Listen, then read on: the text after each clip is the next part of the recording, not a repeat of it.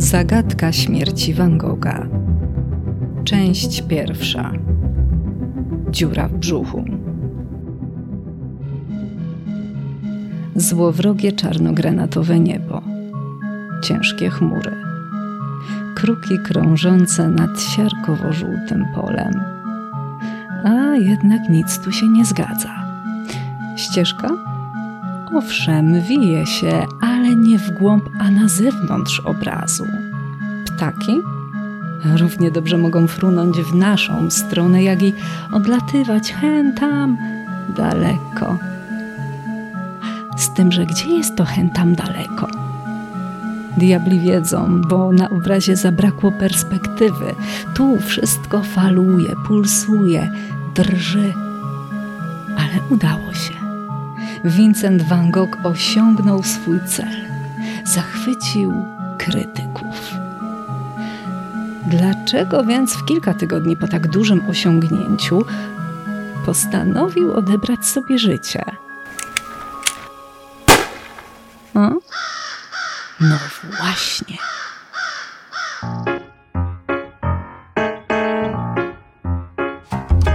Czy samobójstwo Vincenta van Gogha to pewnik, a może ukrywa się za tym mroczna tajemnica? Co naprawdę działo się w ostatnich godzinach życia Vincenta?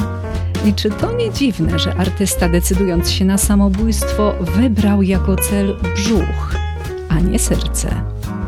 O tym wszystkim opowiem już za moment. Nazywam się Agnieszka Kijas i jestem krytykiem sztuki. A ty słuchasz 86 odcinka podcastu z serii Dawno temu w sztuce, czyli wszystko, co chcesz wiedzieć o malarstwie, ale bez nadęcia. Dzień, dobry wieczór. Witam cię serdecznie, moja droga słuchaczko i mój drogi słuchaczu.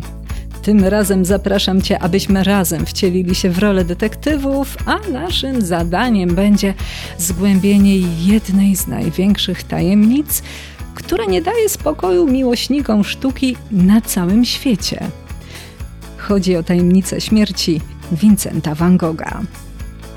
I nim zaczniemy, to chciałam Ci powiedzieć, że dla mnie to jest wyjątkowy malarz. Wiele, wiele lat poświęciłam na badanie jego niezwykłego życiorysu, a efektem tej pracy, tych badań jest książka Vincent van Gogh Człowiek i artysta. Moje biograficzne śledztwo, odkrycia i godziny spędzone na studiowaniu dokumentów, listów, a także dzieł Vincenta van Gogha prowadzą nas dzisiaj do pytania: czy to było samobójstwo, a może morderstwo? Śmierć Vincenta van Gogha to złożona historia, która kryje w sobie znacznie więcej niż mogłoby się na początku wydawać. I to właśnie dlatego zdecydowałam się stworzyć całą serię podcastów, które pozwolą nam zagłębić się w najciemniejsze zakamarki życia i śmierci tego niezwykłego artysty. Coś mi mówi, że szykuje nam się lato z Vincentem, bo tak, w nadchodzących tygodniach będę prezentowała kolejne części tej długiej i zawiłej opowieści, lecz uprzedzam Cię, droga słuchaczko i drogi słuchaczu, bo im więcej wiemy o Vincencie, tym więcej pytań się pojawia. Dlatego przygotuj się na lawinę szokujących faktów, silnych emocji i intrygujących teorii. Nie wiem, czy dotrzemy do ostatecznej prawdy, ale z pewnością zbliżymy się do Vincenta jak nigdy wcześniej. A nasza podróż zaczyna się końcem lipca, w leniwe niedzielne popołudnie. Podczas gdy mieszkańcy Overswas szukali schronienia przed prażącym słońcem, Vincent van Gogh wybrał się na spacer. Wcześniej niż zwykle Zabrał ze sobą sztalugę, farby, duże i przy tym dość nieporęczne płótno, a także stary rewolwer. Pożyczył go od właściciela gospody, ponieważ, jak mówił, chciał postraszyć kruki na polu, bo właśnie tam zamierzał malować, wśród stoków siana na polu, które było położone tuż za zamkiem. Mijały godziny, a Van Gogh przepadł jak kamień w wodę To wzbudziło niepokój właścicieli, ponieważ ich gość, Monsieur Vincent, był zawsze bardzo punktualny i ściśle przestrzegał ustalonych godzin posiłków. Miał swoją rutynę.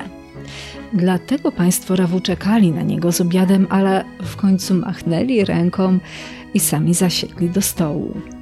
Zapadł wieczór. Było dobrze po dwudziestej pierwszej, kiedy siedzący przed oberżą gospodarze zobaczyli postać, która chwiejnym krokiem zmierzała przez rynek w stronę ich lokalu. To był Van Gogh. Nie miał ze sobą ani farb, nie miał sztalugi, nie miał płótna, bez słowa minął właścicieli i trzymając się za brzuch, ruszył ku schodom. Zataczał się. Widząc to, troskliwa Madame Ravu zareagowała i zapytała go: Monsieur Vincent, byliśmy niespokojni. Cieszymy się, że możemy ujrzeć pana z powrotem. Miał pan jakiś problem? Vincent odpowiedział: Nie, ale.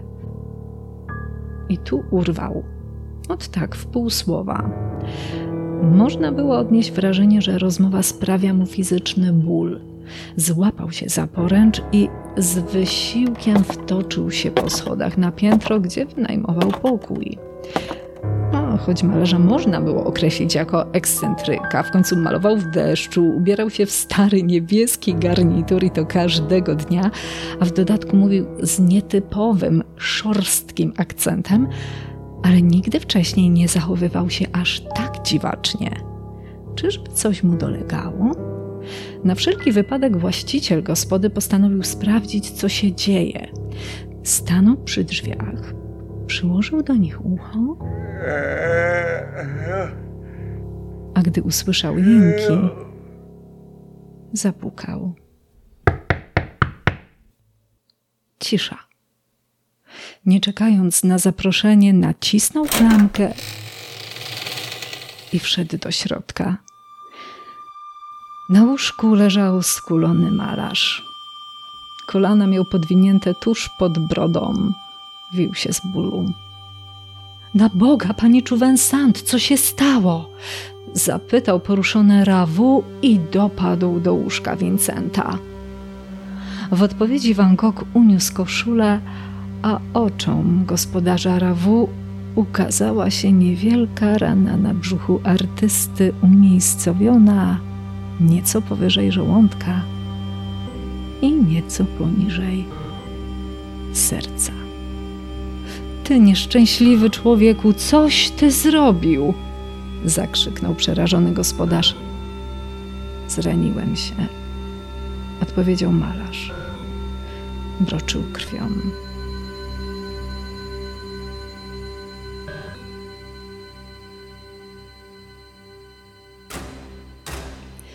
Oficjalna wersja mówi, że Van Gogh przyłożył lufę do piersi i pociągnął za spust.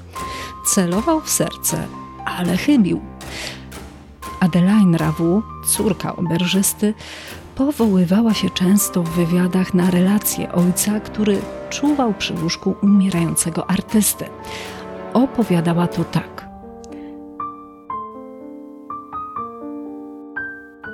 Vincent poszedł na pole pszenicy, gdzie malował już wcześniej. Te tereny były oddalone o jakieś pół kilometra od naszego domu. Droga prowadziła przez wzgórze. Po jej bokach stały wysokie drzewa rzucające cienie. Właśnie tam, w godzinach popołudniowych, z tego co zrozumiał mój ojciec, Vincent postrzelił się i stracił przytomność. Rzeźkość wieczora go ocuciła.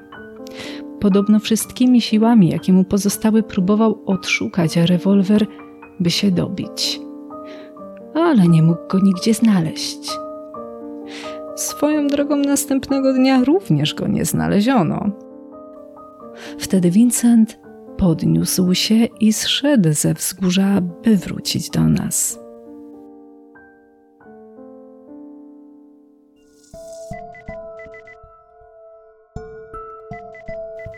wezwano miejscowego lekarza. Doktor Mazeri przybył bez zbędnej zwłoki i od razu zbadał Vincenta. Rana była niewielka i doktor na pierwszy rzut oka rozpoznał, że strzelano z broni małego kalibru. Ponadto Mazeri zauważył, że tor pocisku przebiegał bardzo nietypowo. Nie sposób wykręcić ręki pod tak dziwnym kątem i jednocześnie pociągnąć za spust. To było wbrew anatomii. Wątpliwości budziło też samo miejsce zranienia, bo który samobójca celuje w brzuch? Czemu nie przyłożył lufy do skroni? W dodatku kula nie przeszyła Vincenta na wylot, a to mogło oznaczać tylko jedno. Strzał został oddany z odległości, nie z bliska. Lekarz opatrzył Vincenta, a następnie odnotował te wszystkie swoje wątpliwości w raporcie. Na prośbę malarza posłano również po doktora Gaszeta, pod którego opieką artysta się znajdował. Niestety nie było go w domu. Wybrał się z synem na ryby i dopiero gdy wracał z połowu, spotkał przypadkowego przechodnia, który opowiedział mu o wypadku. No, jesteśmy na prowansalskiej wsi, więc nowina o malarzu samobójcy rozeszła się lotem błyskawicy. Gaszet gnał do gospody na złamanie karku, bądź co bądź Van Gogh był jego pacjentem. Odpowiadał za niego. Gdy wpadł do pokoju rannego, zdębiał.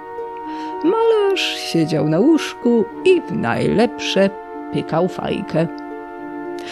Na widok terapeuty uśmiechnął się i zapytał: Czy znajdzie się wreszcie taki mądry, co wyjmie mi kulę z brzucha?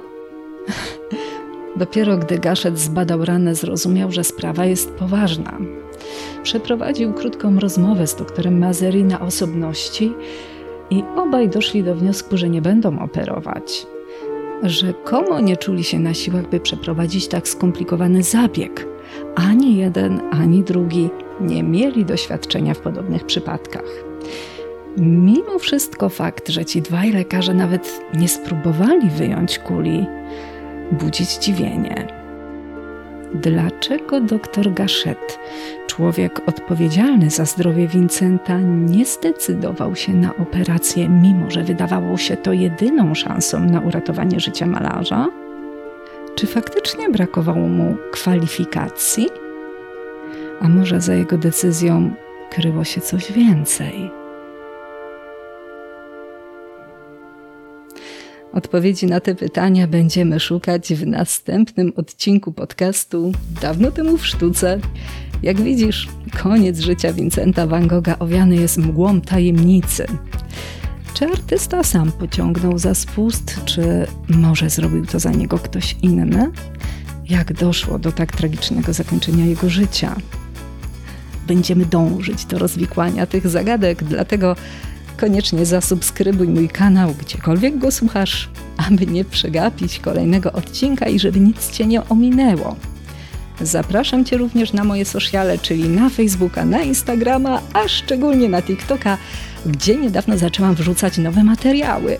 I na tym etapie Twoje wsparcie jest dla mnie niezwykle cenne i motywujące.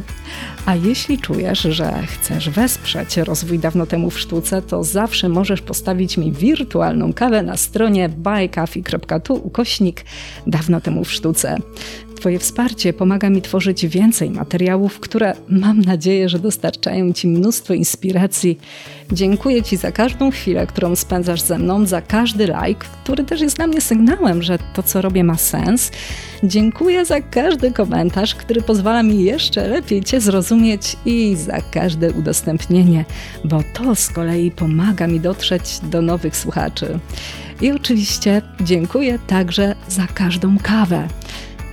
Twoja obecność umożliwia mi robienie tego, co kocham najbardziej. Snuć opowieści o sztuce. Na dzisiaj to wszystko. Do usłyszenia. Mówiła dla Ciebie Agnieszka Kijas, krytyk z sercem do sztuki.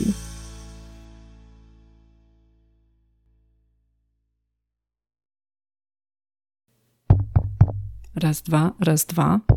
Próba mikrofonu. Cześć.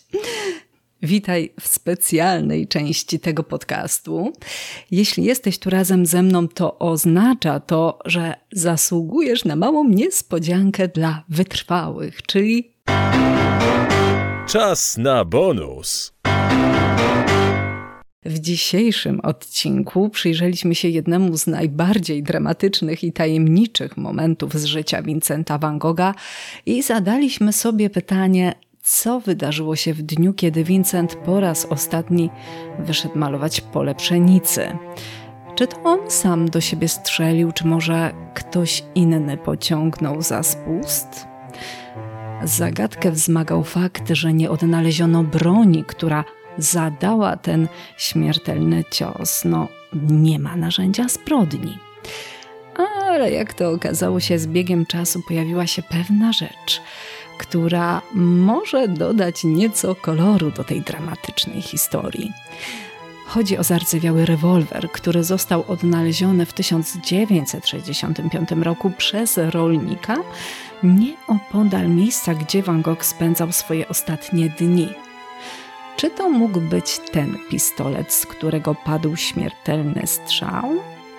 Hmm, kaliber i wiek pasują do opisów, które znamy z historii śmierci Vincenta, ale jednak nie spieszmy się z wnioskami. Wkrótce po odkryciu rewolweru zarówno naukowcy, jak i Instytut Vincenta van Gogha wyrazili wątpliwości co do jego autentyczności. Mówiono nawet o komercjalizacji tragedii. Mimo to rewolwer trafił jako eksponat do Muzeum Vincenta van Gogha w Amsterdamie, gdzie był przechowywany. Jednak nie należał do muzeum, a do osoby prywatnej, która to zdecydowała się wystawić go na aukcję. Prywatny kolekcjoner, który brał udział w aukcji przez telefon, wylicytował zardzewiały rewolwer za niemałą sumę ponad 162 tysiące euro. Cena szacunkowa wynosiła 60 tysięcy euro, zatem przebicie duże. Tylko czy ta broń rzeczywiście ma coś wspólnego ze śmiercią Vincenta, czy może to tylko sprytny trik, mający na celu wywołanie sensacji? Bez względu naprawdę ta historia dodaje fascynujący rozdział do opowieści o życiu i śmierci Vincenta van Gogha, której dalszą część będziemy rozwijać następnych odcinkach. Dziękuję Ci za to, że jesteś tu ze mną i razem odkrywamy tajemnice historii sztuki. Czekam na Ciebie razem z Vincentem w następnym odcinku. A teraz już żegnam. Papa, papa, papa. Pa.